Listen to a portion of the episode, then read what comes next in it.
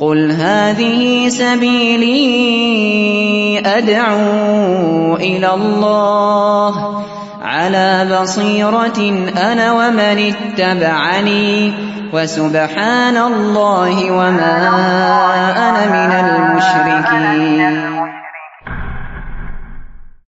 إن الحمد لله نحمده ونستعينه ونستغفره ونعوذ بالله من شرور أنفسنا ومن سيئات أعمالنا من يهده الله فلا مضل له ومن يضلل فلا هادي له وأشهد أن لا إله إلا الله وحده لا شريك له وأشهد أن محمدا عبده ورسوله اللهم صل على نبينا محمد وعلى آله ومن تبعهم بإحسان إلى يوم الدين قال الله تعالى في كتابه الكريم يا أيها الذين آمنوا اتقوا الله حق تقاته ولا تموتن إلا وأنتم مسلمون وقال تعالى يا أيها الناس اتقوا ربكم الذي خلقكم من نفس واحدة وخلق منها زوجها وبث منهما رجالا كثيرا ونساء واتقوا الله الذي تساءلون به والأرحام إن الله كان عليكم رقيبا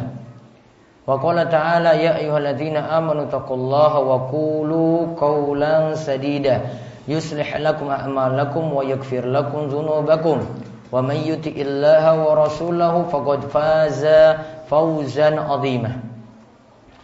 فإن أصدق الحديث كتاب الله وخير الهدى هدى محمد صلى الله عليه وسلم وشر الأمور محدثاتها وكل محدثات بدعة وكل بدعة ضلالة وكل ضلالة في النار اللهم علمنا ما ينفعنا وعلم وعلمنا ما ينفع وانفعنا بما علمتنا وزدنا علما اللهم أرانا الحق حقا وارزقنا اتباعه وأرانا الباطل باطلا وارزقنا اجتنابه أما بعد Masyiral muslimin Jamaah Masjid Jenderal Sudirman Panggang yang semoga senantiasa dirahmati dan diberkahi oleh Allah Subhanahu wa taala.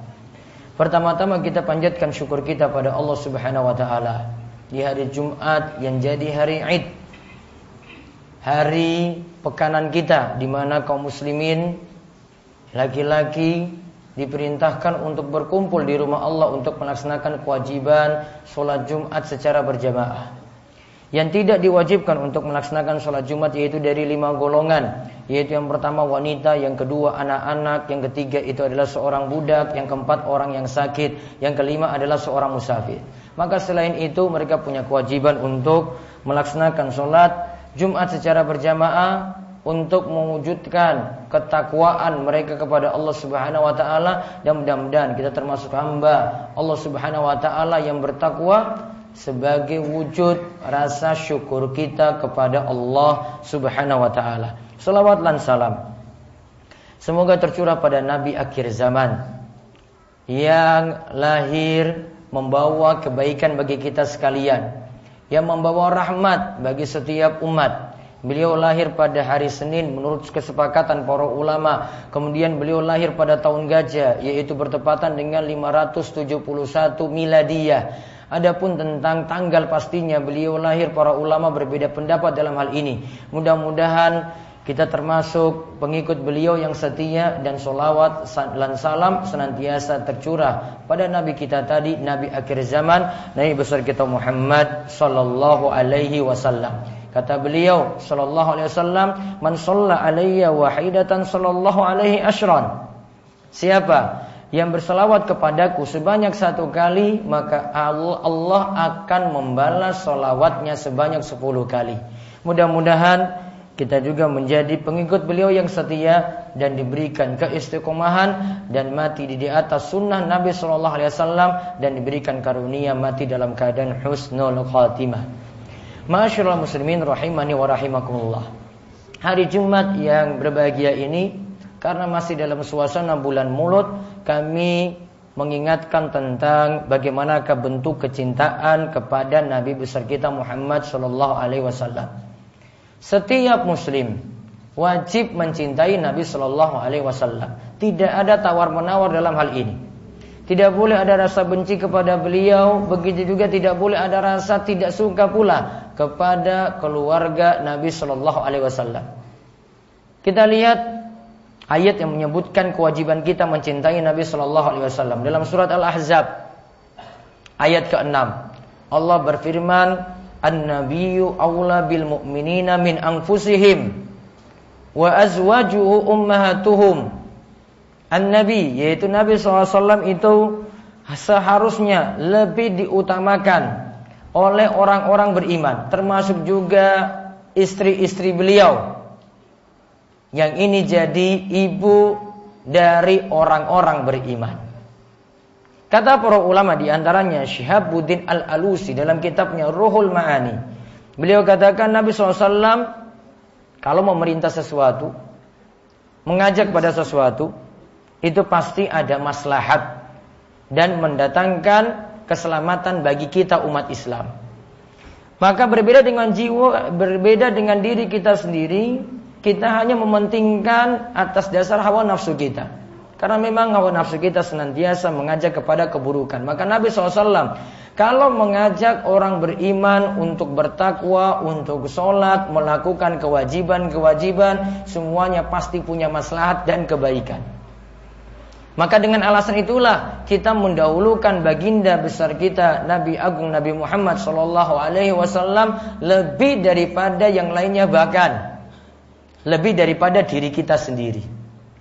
Apa alasannya lebih daripada diri kita sendiri kita mencintai Nabi Shallallahu Alaihi Wasallam? Pernah Umar bin Khattab bertemu Nabi Shallallahu Alaihi Wasallam dan ketika itu Nabi Shallallahu Alaihi Wasallam memegang tangan Umar. Lantas ketika itu Umar berkata, wahai Rasulullah, aku sangat mencintaimu lebih dari segalanya kecuali diriku sendiri. Aku lebih mencintaimu wahai Rasulullah lebih daripada segalanya kecuali dari diriku sendiri. Kemudian Nabi SAW menegur Umar, La walladhi nafsi biyadi hatta akuna ahabba ilaika min nafsik. Tidak wahai Umar. Tetap engkau harus mencintaiku, mencintai Nabi SAW lebih daripada dirimu sendiri. Tetap engkau lebih mencintaiku wahai Umar daripada dirimu sendiri. Maka ketika itu Umar mengatakan kepada Nabi Shallallahu Alaihi Wasallam sekarang, wallah demi Allah, aku lebih mencintaimu, wahai Rasulullah, daripada diriku sendiri. Kemudian Nabi SAW berkata, saat ini pula wahai Umar, imanmu telah sempurna. Maka hadis ini, hadis saking Bukhari, menunjukkan bahwasanya seorang Muslim dia harus mencintai Nabi Shallallahu Alaihi Wasallam lebih daripada segalanya bahkan lebih daripada dirinya sendiri di mana dirinya harus berkurban untuk Nabi Shallallahu alaihi wasallam. Karena kadang saat beberapa kondisi kita harus lebih mendahulukan Nabi Shallallahu Alaihi Wasallam daripada kecintaan pada diri kita sendiri. Diri kita dalam keadaan ngantuk berat, Nabi SAW perintahkan, ayo sholat berjamaah di masjid. Maka diri kita dikalahkan. Kita pentingkan untuk memenuhi panggilan di masjid dan ini adalah perintah juga dari Nabi kita Muhammad sallallahu alaihi wasallam. Ketika kita mau ibadah punya harta di antara bentuk ibadah dengan harta kita adalah kita keluarkan zakat. Mungkin ada yang beralasan wah ini kan harta kita sendiri. Ngapain dikeluarkan? Maka kalau kita mengingat hal tadi, Nabi SAW harus lebih kita cintai daripada diri kita sendiri. Diri kita itu mendorong kita supaya tidak keluarkan zakat. Maka ketika itu dikalahkan diri kita demi mencintai Nabi besar kita Muhammad Sallallahu Alaihi Wasallam. Kalau seorang muslim diperintahkan cinta pada kanjeng Nabi, maka berarti ada muslim yang tidak cinta pada Nabi Shallallahu Alaihi Wasallam. Dan para ulama memberikan tanda-tanda siapa saja yang tidak mencintai Nabi Shallallahu Alaihi Wasallam. Kita lihat yang pertama, apa saja tanda tidak cinta pada Nabi. Pertama, tidak mau membenarkan setiap perintah dari Nabi kita Muhammad Shallallahu Alaihi Wasallam. Dia tolak apa saja yang Nabi Shallallahu Alaihi Wasallam kabarkan, baik berita-berita tentang akhir zaman, tentang masalah hukum. Dia tolak karena mungkin bertentangan dengan logikanya. Ingat Allah Subhanahu wa taala itu katakan wan najmi idza hawa ma dhalla sahibukum wa ma ghawa wa ma yantiku anil hawa in huwa illa wahyu yuha. Dalam surat An-Najm ayat 1 sampai 4, demi bintang ketika terbenam, kawanmu Muhammad tidak sesat dan tidak pula keliru. Dan ingatlah beliau yaitu Nabi SAW tidaklah ucapkan menurut hawa nafsunya. Apa yang beliau ucapkan itu adalah wahyu dari Allah Subhanahu wa taala. Maka apa yang Nabi SAW sampaikan dalam hadis-hadis kita terima begitu saja tidak kita pertentangkan pertentangkan dengan logika kita. Kok ini nggak masuk akal pokoknya kita terima. Kok yang dibahas tentang hari kiamat ini kok tidak masuk dalam logika saya? Pokoknya diterima saja dulu, diimani dulu. Contoh misalnya Nabi SAW itu katakan Simpel saja beliau katakan kalau ada seekor lalat jatuh wakoah jatuh fisyarabi ahadikum jatuh di minuman kalian ada kita minum teh kemudian lalat itu jatuh Nabi SAW itu katakan falyakmisu summa liyanzikhu fa inna fi ihda janahaihi da'an wal ukhra shifaan Kata Nabi SAW, kalau lalat itu jatuh dalam minum kalian, maka Nabi katakan falyakmisu, celupkanlah lalat tadi.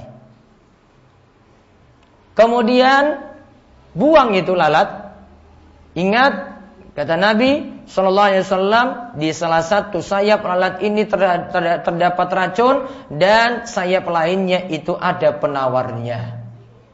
Sikap seorang muslim ketika mendengar hadis ini bagaimana? Sami'na wa ata'na. Sudah dia celupkan tadi. Terserah dia mau minum atau tidak. Yang penting dia sudah jalankan apa yang Nabi SAW perintahkan. Dan dia terima begitu saja. Walaupun Kok ini kelihatan jijik, kok ini kelihatan tidak masuk dalam logika saya. Logika ini dibuang dulu jauh-jauh. Karena dalam masalah agama kita pentingkan untuk menerima dulu, beriman dulu. Tidak pakai logika. Kita beriman kepada Allah, Allah tidak kita lihat. Kita beriman tentang hari kiamat, mulai dari alam kubur, kejadian di dalam kubur kita tidak ketahui sama sekali. Tentang surga, tentang neraka kita tidak lihat sama, sama, sama sekali saat ini. Namun ketika itu dikabarkan di tengah-tengah kita punya tugas untuk menerima begitu saja tanpa menentangnya sama sekali. Ini contoh. Kita diperintahkan mendengar berita tadi kemudian kita imani. Maka tanda tidak cinta pada Nabi SAW berita tadi ditolak begitu saja karena bertentangan dengan logika. Yang kedua, tanda tidak cinta pada Nabi SAW adalah malas bersalawat kepada beliau ketika nama beliau disebut. Coba lihat apa yang dikatakan oleh Nabi kita Muhammad sallallahu alaihi wasallam. Rogima anfu rajulin dzukirtu indahu falam yusalli alaihi. Sungguh celaka. Kalimat rogima anfu ini artinya doa jelek. Sungguh celaka Orang yang apabila disebut namaku di sisinya lantas ia tidak bersolawat untukku. Juga dalam hadis yang lainnya Nabi SAW itu mengatakan dalam hadis Ali bin Abi Thalib. Al-bakhilul ladzi man dzukirtu indahu falam yusalli alayya. Termasuk orang pelit. Ketika namaku itu disebut lantas dia tidak mau bersalawat kepadaku.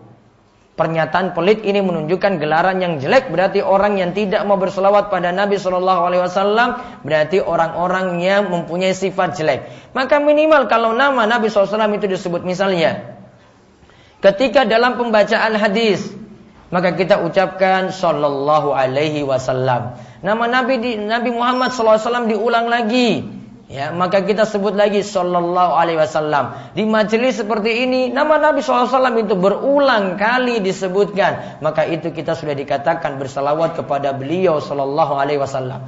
Tanpa kita mesti berkumpul dalam suatu majelis kemudian kita buat majelis yang isinya solawat, tidak.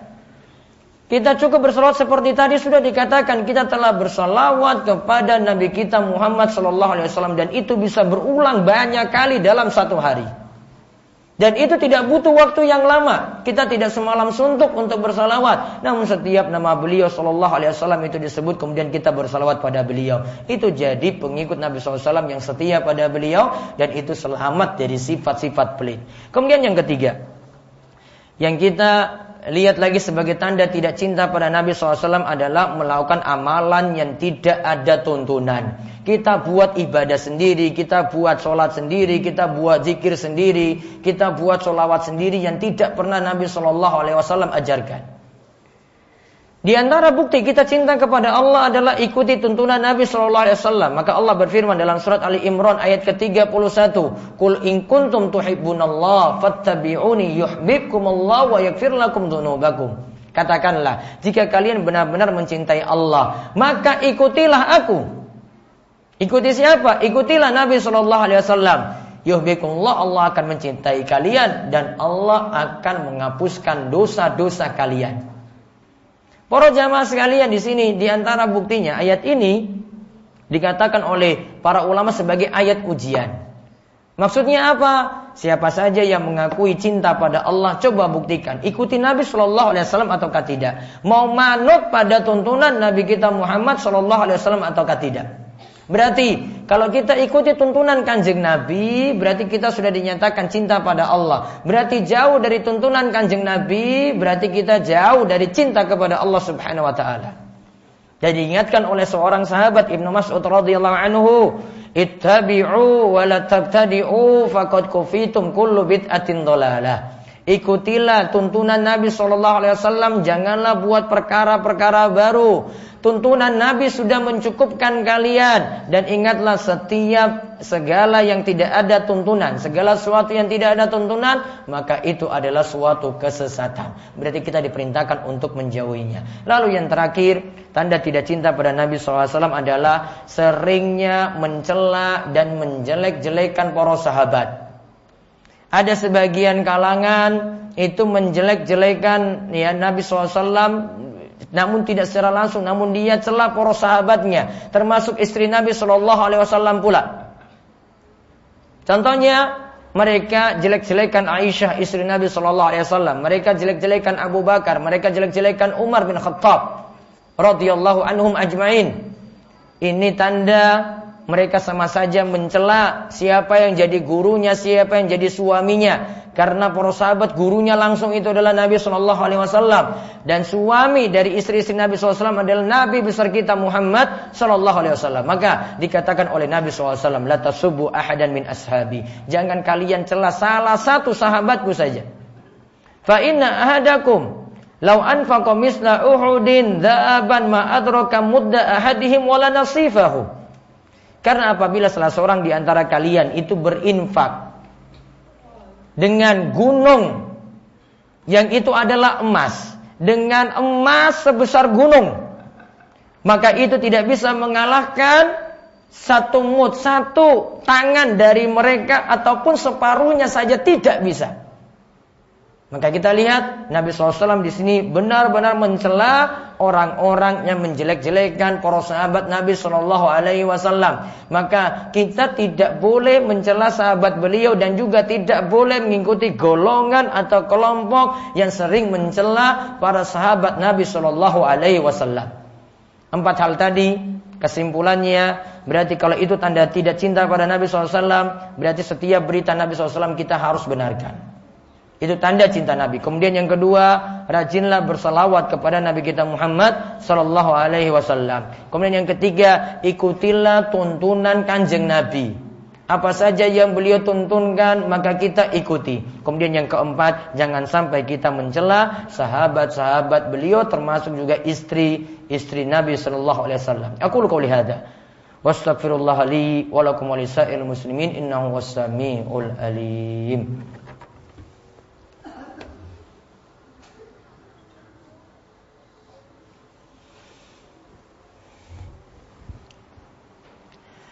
Ahmadullah Rabbi wa ashkuruhu wa ashhadu an la ilaha illallah wahdahu la syarikalah wa ashhadu anna nabiyyana Muhammadan abduhu wa rasuluh Allahumma salli ala nabiyyina Muhammad wa ala alihi wa man tabi'ahum bi ihsan ila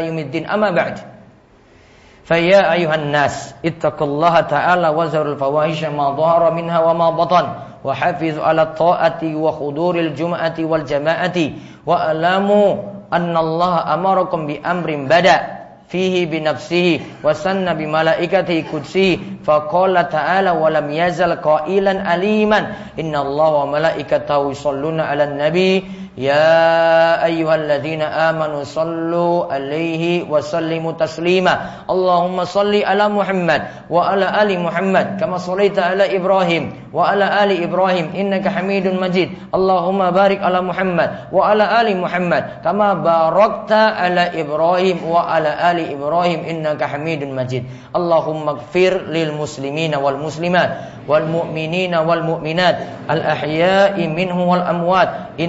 innaka sami'un qaribum mujibud da'wah. Allahumma alif baina qulubina wa aslih dzata bainina. Wahdina subulas salam. Wa najjina minadh dhulumati ilan nur. Wa jannibna al fawahisha ma dhahara minha wa ma batan. Wa barik lana fi asma'ina wa absarina wa qulubina wa azwajina wa dhurriyyatina. Wa tub alaina innaka antat tawwabur rahim. Waj'alna syakirina li ni'amika musnina biha alaik qabilina laha wa atimmaha alaina rabbana hab lana min azwajina wa zurriyyatina qurrata a'yun waj'alna lil muttaqina imama Allahumma inna nas'aluka al huda wat tuqa wal afaq wal ghina Allahumma agisna Allahumma agisna Allahumma agisna mubarakan Allahumma agisna mubarakan Allahumma agisna mubarakan Rabbana atina fid dunya hasanah wa fil akhirati hasanah wa qina adzabannar wa sallallahu ala nabiyyina Muhammadin wa ala alihi wa sahbihi ajma'in walhamdulillahi rabbil alamin. Aqimus shalah